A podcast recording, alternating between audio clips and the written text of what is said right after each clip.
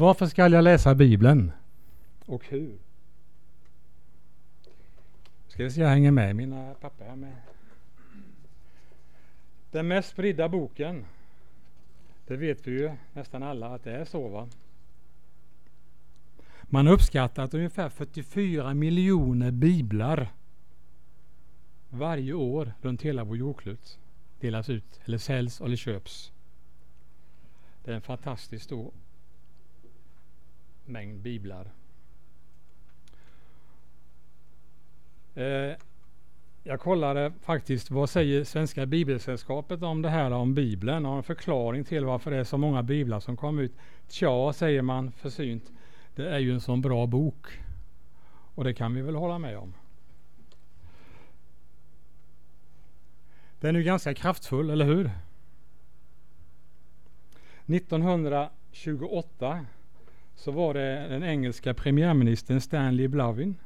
Han sa så här. Bibeln är högexplosiv vara, men den verkar på ett underliga vägar och ingen levande människa kan förklara hur det kommer sig att denna bok på sin färd genom världshistorien kan kunna kunnat göra så starka intryck på enskilda människor på tiotusentals platser på vår jord att det skapas ett nytt liv, en ny värld, en ny övertygelse, nya be en begreppsvärld och en ny tro. Det var vad han sa.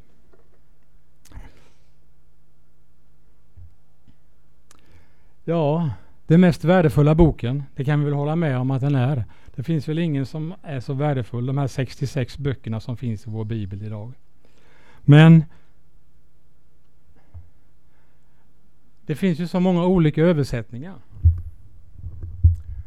Och eh, jag har tagit med en del här. Och det har jag gjort med tanke på vad är det som finns egentligen tillbaka i tiden.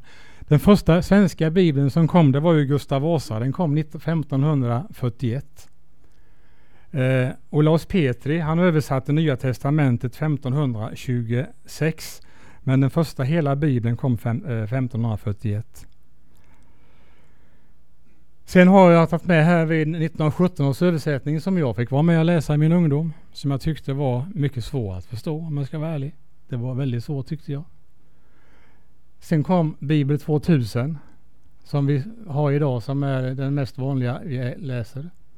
Vad som har hänt under resans gång det är ju eh, Bojerts översättning av Nya Testamentet. Den kom 1980. En bok som jag läste mycket i min ungdom det var Hedegårds översättning på Nya Testamentet. Den kom 65. Den plockade jag med. Den hittade jag här i, mina, i min bokhylla hemma. Den läste jag mycket i min ungdom. Jag tyckte den var lättfattlig att läsa och man förstod vad man läste jämfört med 1917 års översättning. Sen kom en mellanting här, en ny, NT81 pratade man om att den kom 1980.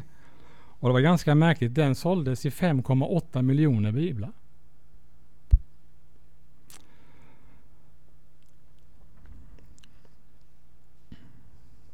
Sedan så kom Handbok för livet. Eller rättare sagt Levande Bibeln först och sen Handbok för livet. Det är inte samma sak egentligen men det handlar ju om parafrasöversättningar. Och sen har vi Åkessons bibel där. Den var jag, var jag själv lite fascinerad av också.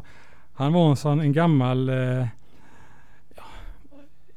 intresserad av teologi till och med idag så han gav sig inte utan han till och med lärde sig både grekiska, hebreiska, anameiska för att kunna översätta sin bibel.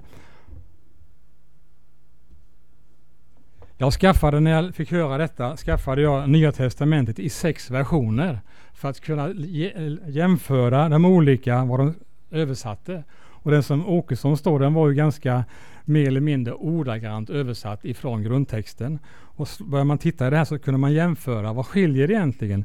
Men många gånger var ju de, de sakerna som man kände att man ville få en bekräftelse på, vad är, handlar det här om? Då kunde man ganska lätt eh, se att det var ungefär ganska lika överensstämmelse med vad alla översättningarna var. Så därför kunde man inte säga att den ena var bättre eller sämre än den andra. Så upplevde jag det när jag tittade på det här. Ja, vilken var bäst då? Ja, det är ju frågan det. Men det handlar ju mycket om vad var det man egentligen ville, ville veta när man läste. Vilken bibelversion vi bör välja avgörs främst av vårt syfte med läsningen. Varför läser vi Bibeln? Läser det för min egen skull? Läser det för att få en historia? Läser det för att kunna komma vidare? Läser jag för att få någonting som tjänar att det här är mitt andliga liv, komma vidare på vägen med Kristus och leva tillsammans med honom.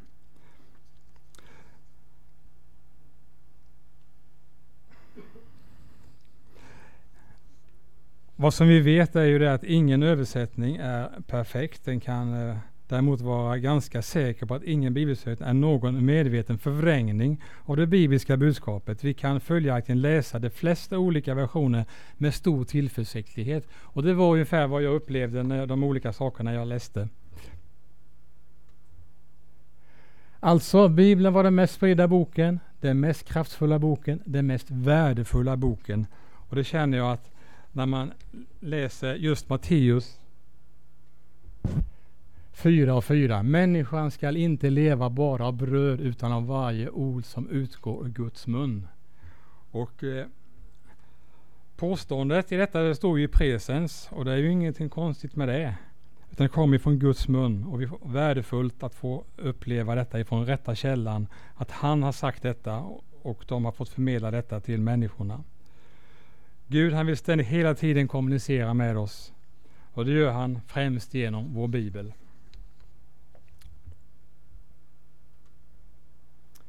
Handbok för livet skrev jag här. Och så skrev jag en motorvägsskylt. Det kan ju låta lite provocerande men det är ju så här att Bibeln ska ju vara ett rättsnöre på hur vi ska leva och hur vi ska ha det i, i vårt samhälle idag. Va? Och då är det viktigt att man verkligen vet hur man kör. Vi kör ju inte både vänster och högertrafik, eller hur? Utan vi har ju en, en riktning åt rätt håll. Och därför är ju handboken för livet är ju Guds ord. Va?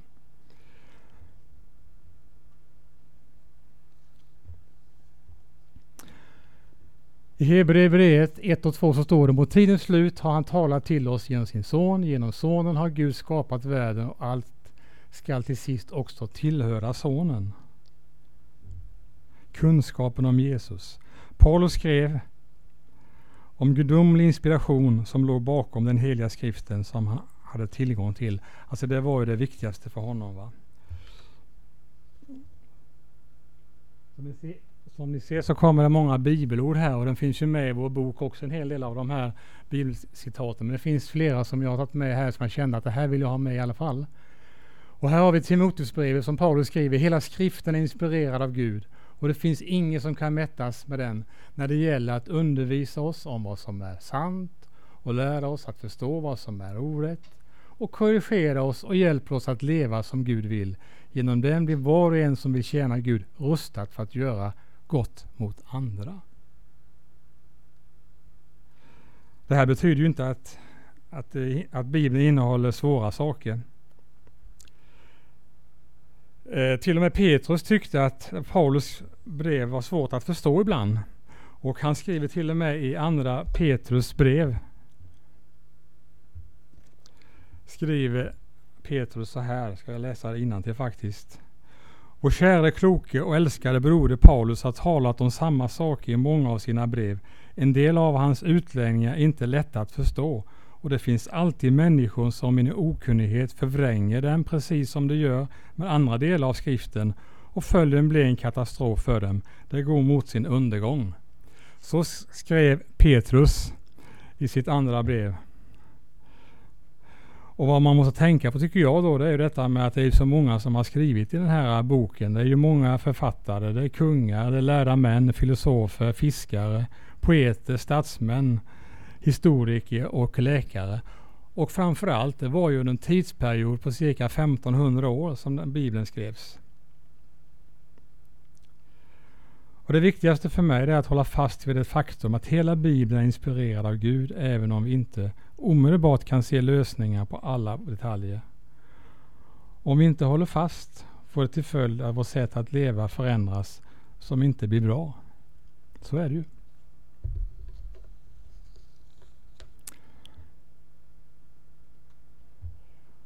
Gå in på den här, vägleda och fostra till ett rättfärdigt liv. Ja, det är ju tavlorna som tio budorden finns.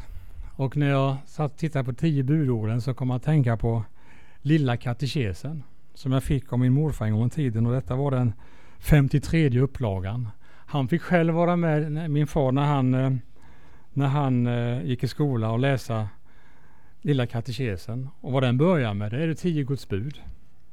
Du skall inga andra gudar hava jämte mig. Hur många i skolan läser den tror jag då? Du skall icke bära falskt vittnesbörd mot din nästa. Vad är det, skriver Luther här då.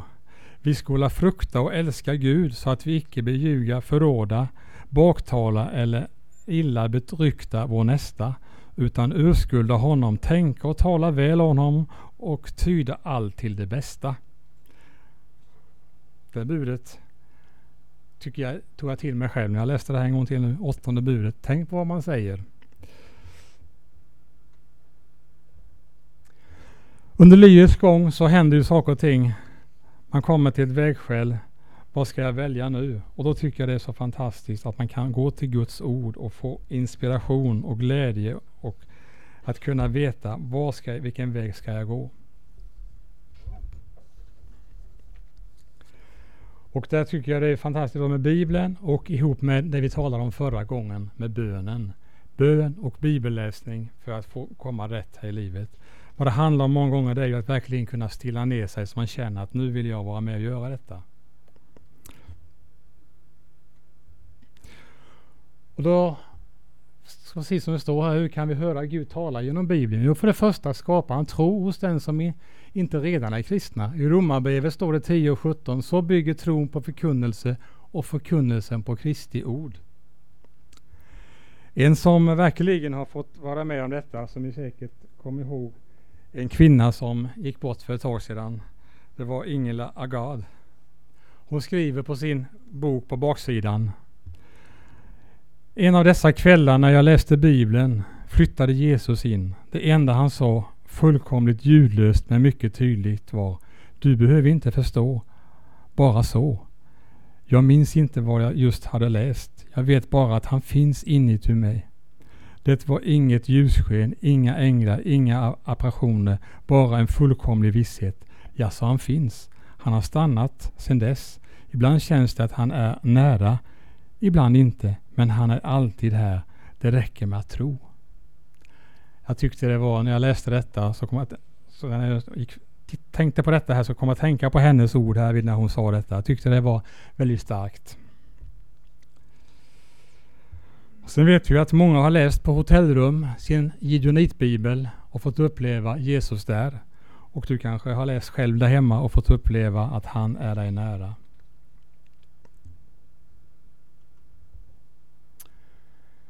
För det andra talar han till den som redan är kristna. I andra Korinthierbrevet 3.18 står det om alla vi som utan slöja för ansiktet skådar Herrens härlighet förvandlas till en och samma avbild. Vi förhärligas denna härlighet som kommer från Herren, Anden. Och vi, ju mer vi umgås med honom, desto mer lika blir vi honom. Det är bara så. Bibeln lär så. Och om vi tittar i våra sin häften så har vi med flera olika bibelverser. Psalm, psalm 23 och 5 och psalm 115 och 119 och 105. Ordspråksboken 4 och 24. Och sen har vi Matteus 4.11 när det onda försöker att göra angrepp på oss. Det finns ju alltid de som vill försöka förstöra för oss. Och Hebreerbrevet 4 och 12. Guds ord är skarpare än något bredare svärd och tränger så djupt att det skiljer både själ och ande. Det finns också med i vår arbetsbok, det bibelordet. Hur kan vi i praktiken höra Gud tala genom Bibeln? Ja, studera Guds ord, gärna med en bibelplan. Läsa avsnittet minst en gång och jämför gärna med bibelöversättningar och när man håller på och läser Bibeln så kan man också få till sig, jaha vad, vad menas med detta? Då finns det någonting som jag har använt mycket, en gammal hitlista. Jag vet inte, vi har väl inga sådana här idag va? Vi har det. Alltså har ni ingen sådan, så den här, den här är en gammal jag har och den är tummad på mycket. Jag har själv slagit upp den många gånger och varit till hjälp och vägledning när man har suttit och läst Guds ord. Vad händer nu? Jo, Alltså, var det så här jag skulle göra? Då kan man läsa det och få uppleva det fantastiskt. Eh, det är viktigt att planera sin tid så man får tid för detta. Att kunna studera Guds ord. Själv ser jag ju, om man ser baklänges, att det har gått lite upp och ner. Men jag kan väl säga som den berättelse jag berättade i början här om min upplevelse i Ryssland med den här pastorn. Och inte minst när jag träffade hans fru här, vi kunde samspråka med på ett annorlunda sätt. Hur de läste Guds ord. Och där jag känner själv att när man väl satte till tid att göra detta och upplevde att det fungerar i ens eget liv, vad fantastiskt det blev. Och i samma veva så träffade jag en missionär som sa att ja, han, han hade bekymmer med det här med att få tid till att läsa Guds ord. Och då sa han det att jag gör som Luther gjorde. Luther han hade dåligt med tid, men han gick upp en timme tidigare för att få, få tid till att läsa Guds ord. Och det kan vi göra. Tror du på det, Petra?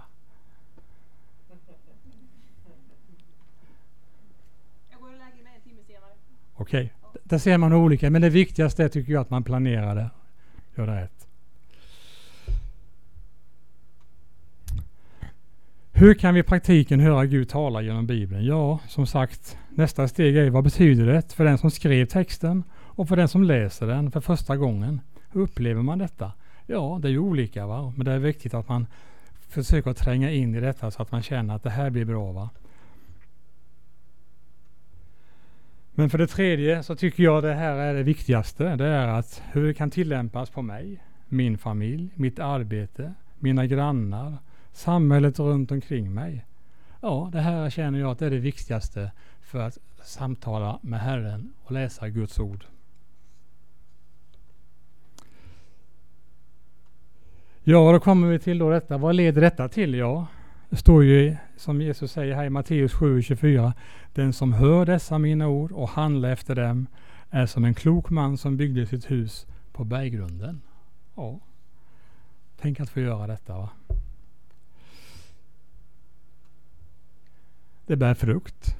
Och vad bär det för frukt? Jo, det gör det ihop med kanske med mina grannar, med mina arbetskamrater. De förstår att jag vill leva tillsammans med Herren och läsa Guds ord. Och det går vidare.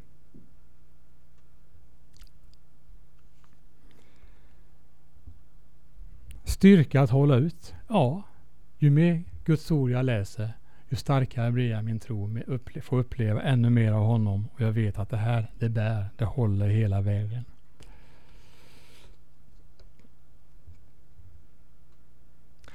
Den som har sin lust i Guds ord ska lyckas väl, står det i Johannes 15 och 16.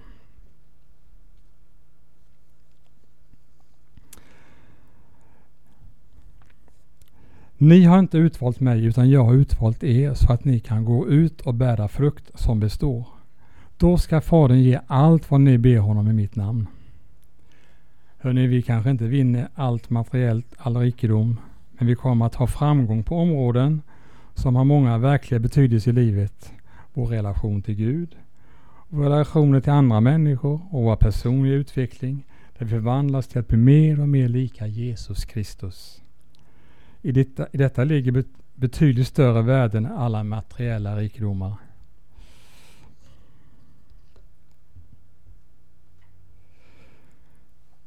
En eh, bibelvers som har betytt mycket det sista halvåret.